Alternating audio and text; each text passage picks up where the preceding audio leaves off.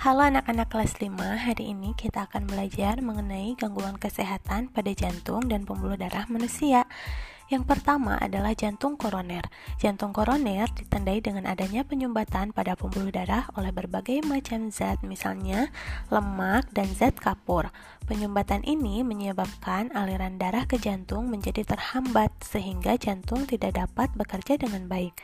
Gejala yang ditimbulkan oleh penyakit ini antara lain sesak nafas, nyeri pada bagian tertentu, dan cepat lelah. Yang kedua adalah hipertensi. Hipertensi merupakan kondisi ketika tekanan darah di dalam pembuluh arteri meningkat.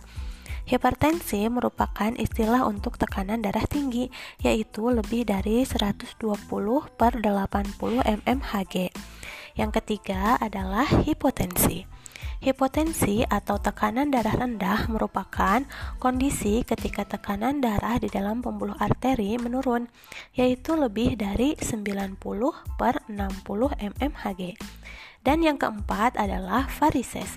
Varises ditandai dengan munculnya benjolan pada kulit berwarna keunguan. Hal ini disebabkan oleh adanya gangguan atau hambatan pada pembuluh darah vena dalam mengalirkan darah.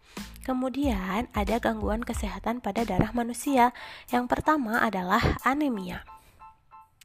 Anemia merupakan penyakit yang disebabkan oleh kurangnya sel darah merah dalam tubuh. Yang kedua, leukemia.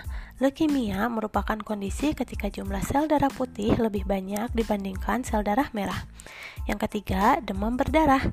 Demam berdarah merupakan infeksi virus dengue yang menyerang komponen darah yaitu trombosit atau keping darah.